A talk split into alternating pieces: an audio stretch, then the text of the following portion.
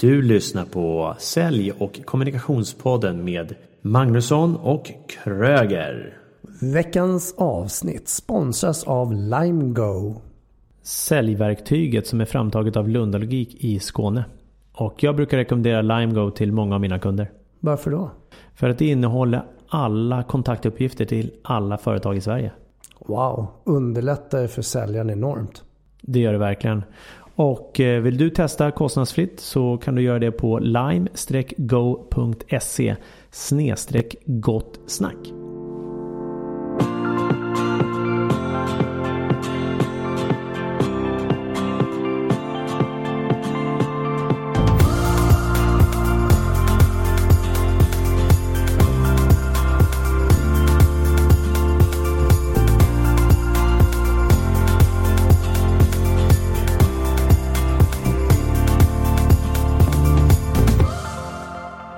Välkommen till avsnitt 15. Och vi har fått in en lyssnarfråga som eh, vill att vi resonerar och avhandlar det här med coaching. Våga gå utanför komfortzonen och vad är skillnaden på terapi, psykologer och coaching? Jag är Mikael Kröger. Och jag är Daniel Magnusson. Och det känns ju underbart att redan ha avsnitt 15.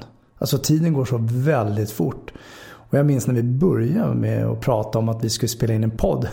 Och tog ett beslut på, på några minuter och sprang iväg och köpte en utrustning och sen var vi igång med en podd. Och efteråt började vi fundera på vad ska vi prata om? Och det har ju visat sig, det är ju inga problem att hitta ämnen.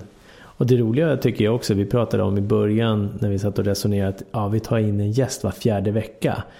Och nu, det har blivit lite tätare den senaste tiden. Nu kanske det dröjer lite tag. Eller Ser inte. det. Nej. Vi har, ju, vi har ju fått förmånen faktiskt att ha fler gäster som vill vara med. Så att vi försöker boka in dem vart efter de har tid och vi har tid. Mm. Eh, Och det häftiga med gäster är att de kommer ju med, med en annan version. De är ju inte inrutade i vårat mönster utan de speglar en annan verklighet. Och jag gillar de här inflikningarna som de kommer med tipsen, råden. Allt ifrån utbildningar till prestationsteknik till hälsa. Och, och nu senast så hade vi ju Pärleros här. Alltså på något sätt så han är en idol för mig eh, I poddvärlden. Som jag, jag kan inte speciellt mycket men han har verkligen lyckats. Med, han har dragit igång Framgångspodden. Eh, gjort massor av häftiga saker. Riktigt imponerande. Och fortfarande yngre än vad jag är. Ja, det är de flesta. Ja, jag vet. Förutom Bo som kallar dig unge man Ja, i avsnittet med förhandlingsteknik. ja avsnitt 10. Unge man, jag ska rycka upp det där med rötterna. Ja, det är härligt. Mm, skönt. Vi har ju fått en eh, lyssnare som har hört av sig. Och eh, ställer frågan eh, vad är vikten av coaching och hur fungerar det? Det är rubriken och sedan så skriver Sebastian då att många vågar ju inte göra saker som de egentligen vill göra. De vågar inte ta risken. Eh, och så hänger han upp det på att men ha självförtroende med den delen att göra och risktagande. Och hur ska han och andra kunna känna sig trygg i sig själva med det de redan kan? Vad tänker du om det? På något sätt utgå ifrån vad man vill göra. Vad, vad är det som egentligen brinner inom en? Det kan ju fortfarande vara väldigt såklart svårt. Bara det kan vara värt att få ett bollplank och reda ut sina egna tankar och värderingar och eh, sådant såklart. Och vet man inte det så är det bra första steg. Och just att vi har generationen som ska ut och arbeta och ska in i karriären och så har vi oss då som är, har passerat 40 och någonstans kanske har gjort en karriär och har fortfarande väldigt mycket kvar att ge. Men jag tror vi har väldigt olika livssyn just då. Eller just nu kanske jag ska säga. Ja, det är garanterat. Jag, där tänker jag också lite så här att det vanligaste, jag kan bara titta på mig själv när jag var 15. Jag hade så här, jag skulle in på bygglinjen när jag sökte. Jag kom inte in på bygg och anläggning. 2,7 räkna med betygen då. Jag kom inte in för jag hade för dåliga betyg. Och det kändes ju lite som en livskris då, när jag är 16 år. Och det, det känns som att det är så stora val som görs den tiden till gymnasiet eller till universitet och man pluggar vidare och så vidare.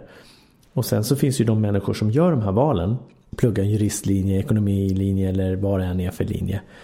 Och sen så märker de efter fyra fem år, att det är inte det här jag vill jobba med. Mm. Och så är det så många som har så svårt att bryta där. Och tänker nej, men jag har lagt ner tid och pengar. Ja, men den tiden de har lagt ner är ju förhoppningsvis väldigt liten del av det stora hela. Mm, ja, och både tid och pengar. Och även eh, kanske förväntningar från, från föräldrar, eh, kompisar. Status. Ja, vad ska du bli när du blir stor och vad ska du jobba med, hur gör du karriär? Och som du säger status. Och status är väldigt viktig för många människor.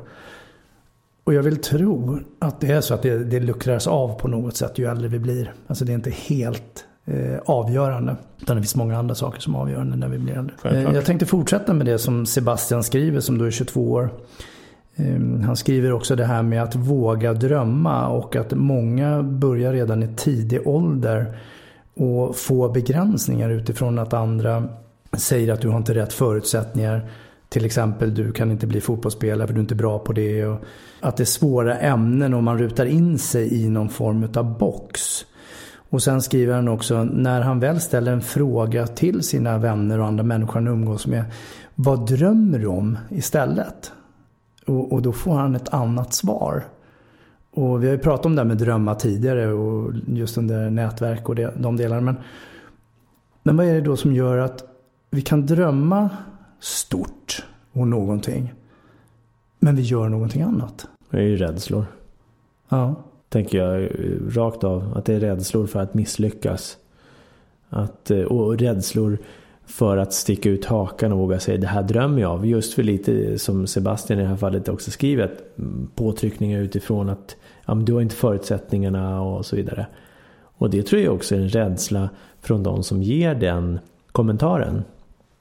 Att om du lyckas med det här, oj, då kanske jag blir avundsjuk eller då kanske du försvinner från mig eller vem är jag då? Och så vidare. Så det, det hänger ihop på flera sätt tror jag.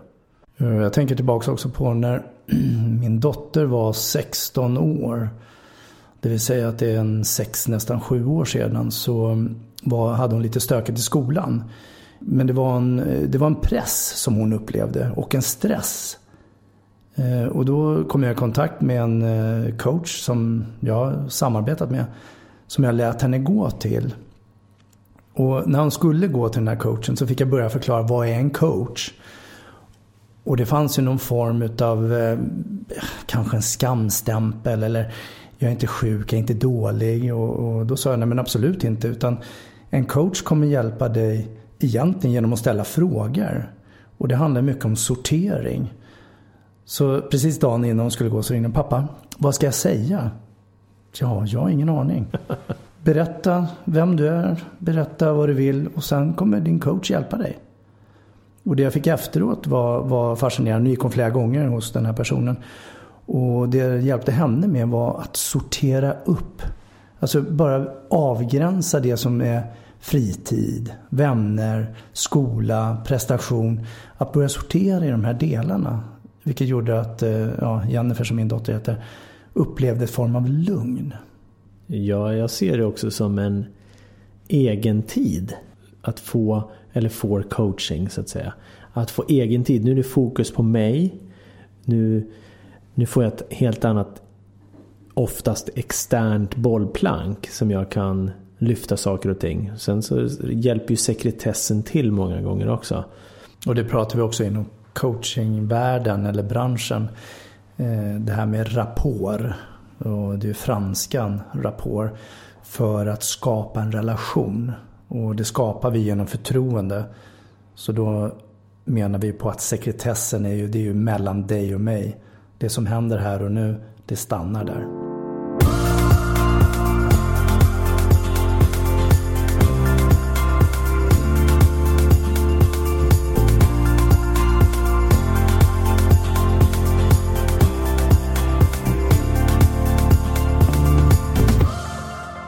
Daniel, det här med, det, det finns ju ofta en, eh, alltså det är en begreppsförvirring. Coach. Terapeut har vi sen, ja. Ja, psykolog. Eh, mentor. Och jag tänker bara, om vi bara börjar med coach så finns det ju en uppsjö av olika coacher.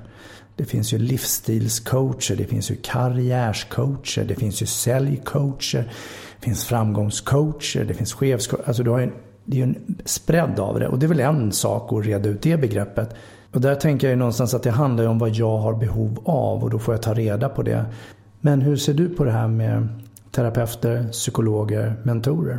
Alla roller fyller sitt syfte, skulle jag säga. Ja, det är klart. Och om vi, om vi då tittar på terapeuter och psykologer och så vidare. Terapeuter, där och psykologer, då utgår man på något sätt, i min värld i alla fall, att då finns det någonting som behöver läkas på något sätt. Det är någonting eh, psykologiskt som behöver ja, tas om hand på ett helt annat sätt. Om man jämför dem med till exempel då mentor som också dök upp i den här eh, harangen av alla olika benämnelser. Det medan en mentor sitter ju då som någon som om man, nu kallar man ju inte lärarna lärare eller magister eller fröken. Nu kallar man dem mentorer i skolan sedan en tid tillbaka. Just för att de sitter ju på en kunskap och ska då lära ut till sina adepter och sina skolelever. Och likadant är det ju då i affärsvärlden till exempel. Att det finns någon som sitter på kunskapen. Så jag skulle säga min roll är i vissa fall coach och mentor. Mm. Och sen vad det gäller terapeuter, vi har KBT, kognitiv beteendevetenskap, vi har transaktionsanalytiker. Sen har vi psykiatriker och så har vi psykologer. Samtalsterapeuter. Om vi bara skulle sudda ut alla de begreppen mm. så skulle jag säga så här. Vi behöver en medmänniska som inte känner oss så väl som våra vänner gör.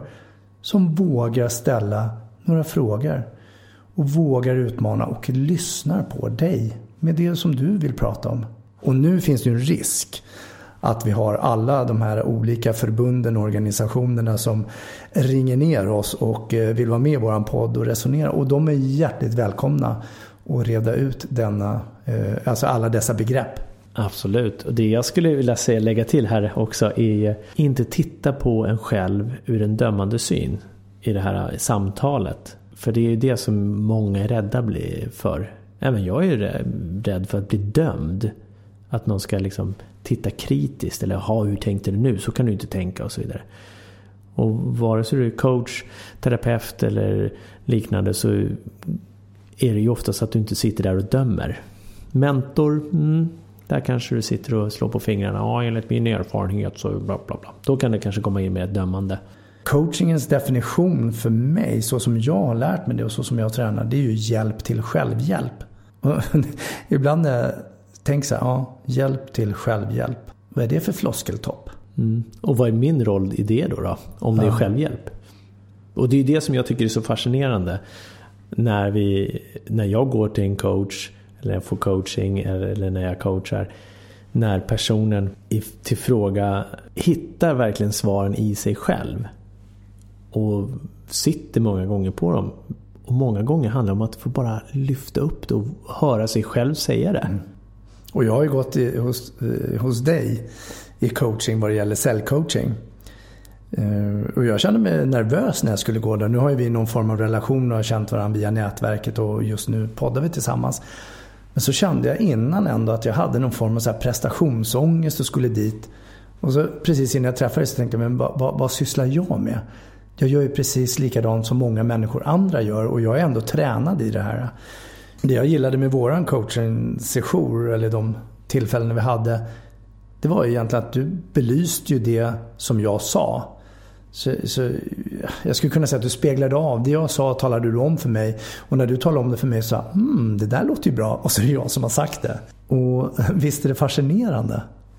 Ja, jag, jag tror att det handlar väldigt mycket om att återigen, när jag coachar en coach eller när jag själv blir coachad av en coach så känns det som att det ska presteras så mycket. Jag hade ett klientföretag som jag jobbade med under lång tid. Vad menar du med klientföretag? Ja, förlåt. Jag jobbade med ett företag där jag coachade deras mellanchefer. Okay. Eh, och de var flera stycken. Och jag fick ju otroligt mycket information genom att bara ställa frågor och hjälpa dem att hjälpa sig själva.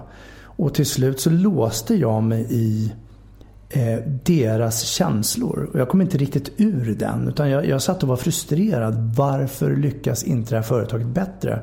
När de redan är så fantastiska. Och då ringde jag upp eh, min coach. Och så sa jag, jag, be, jag, behöver, jag behöver hjälp. Och så säger personen så här. Okej, okay, berätta kort. Och så berättar jag att jag, har, jag sitter fast i det här med företaget. Jag är inne i deras organisation. Och så säger han, varför tar du ansvar för vad de känner i sin organisation? Mm. Och bara den frågan får mig börja tänka, varför är jag inne där? Är jag anställd i det bolaget? Är det där jag är och jobbar? Säg att det här var tio minuter och sen hade jag klart för mig vad jag behövde göra. Jag blev emotionellt engagerad så som coach i de personerna, var och en och i den organisationen. För jag behöver ju hålla perspektivet. Det är jag som ska ställa frågorna som hjälper dem till självhjälp. Så det var en otroligt nyttig läxa för mig. Men vad skulle jag tagit vägen om jag inte hade ringt min coach? Ja. Jag tänkte, vad, vad, vad ställ, alltså hur gjorde du då för att koppla ifrån dig då?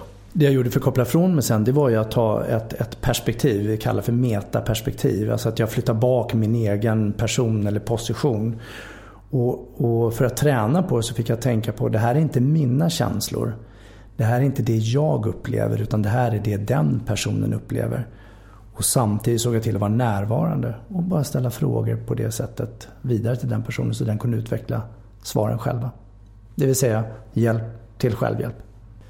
Här är det viktigt att tänka också att spontant kan jag tycka att det låter som att vi coacher inte bryr oss emotionellt. Vilket vi gör, självklart. Kan inte vi känna den här personens känsla och vara emotionella så eh, då är det ett problem. Samtidigt så gäller det att verkligen backa bak och titta på ett annat perspektiv. Precis som du säger, jag brukar prata om att inte ta ryggsäcken med de här problemen. Utan lägga tillbaka ryggsäcken hos eh, den som blir coachad. Och det här gör jag om, om några av mina vänner kommer till mig. Exempelvis det har varit någon skilsmässa eller dödsfall eller någonting. Och så kommer de är väldigt ledsna. Och självklart vill jag ju finnas där för mina vänner. Samtidigt så med automatik så, så tar jag ansvar för mig som person. Och jag har lärt mig det utifrån min profession med verktyg och allt som jag har. Och, och, det är ju egentligen när någon människa kommer till mig och är ledsen så tar jag ett steg tillbaks mentalt i min hjärna. Och så tänker jag det här är inte mitt problem. Vad kan jag göra som hjälper den här personen nu? Och då brukar jag ofta säga det. Vad har du behov av nu? Eller vad kan jag göra för dig? Och då lägger jag snabbt tillbaks ansvaret till den personen som säger att ja, jag vill ha en kram eller jag vill att du är tyst och lyssnar eller ställ mig frågor eller berätta hur var det när du gjorde det. Så att jag tar inte över i de lägena och där är jag väldigt noga med att göra det. Men självklart berör det ju mig. Det, det är klart att jag också kan få Såklart. bli ledsen och glad och, och vara med den personen. Tillstånd smittar. Och det gäller även i, i, i alla relationer egentligen. Att inte hamna i sympati. För hamnar vi i sympati då börjar vi nästan hamna i en tillsammans i en offerroll till exempel. Mm. Om det är det det handlar om. Eller att ja, om det är någon som kommer och är ledsen. Om du börjar sympatisera med dem, ja, då är det ingen som kommer komma vidare. Då sitter alla där och tycker synd om, om hela situationen eller sig själva. Något som kan reta mig i och för sig, det är när, när folk använder min kompetens emot mig. Det vill säga om någon säger så här, men du som är coach, du borde ju kunna. Och så lägger de in någon värdering. Eller du som är duktig på konflikthantering, eh, hur kan du hamna i konflikter? Ja, just det. Och jag, jag blir så här frustrerad för jag är bara människa. Ja, exakt. Och när det handlar om mig så är det mina känslor, mina behov. Och när det är andra så är det andras känslor och andras behov. Ja, och förstå deras känsla. Men gräv inte ner dig i känslan.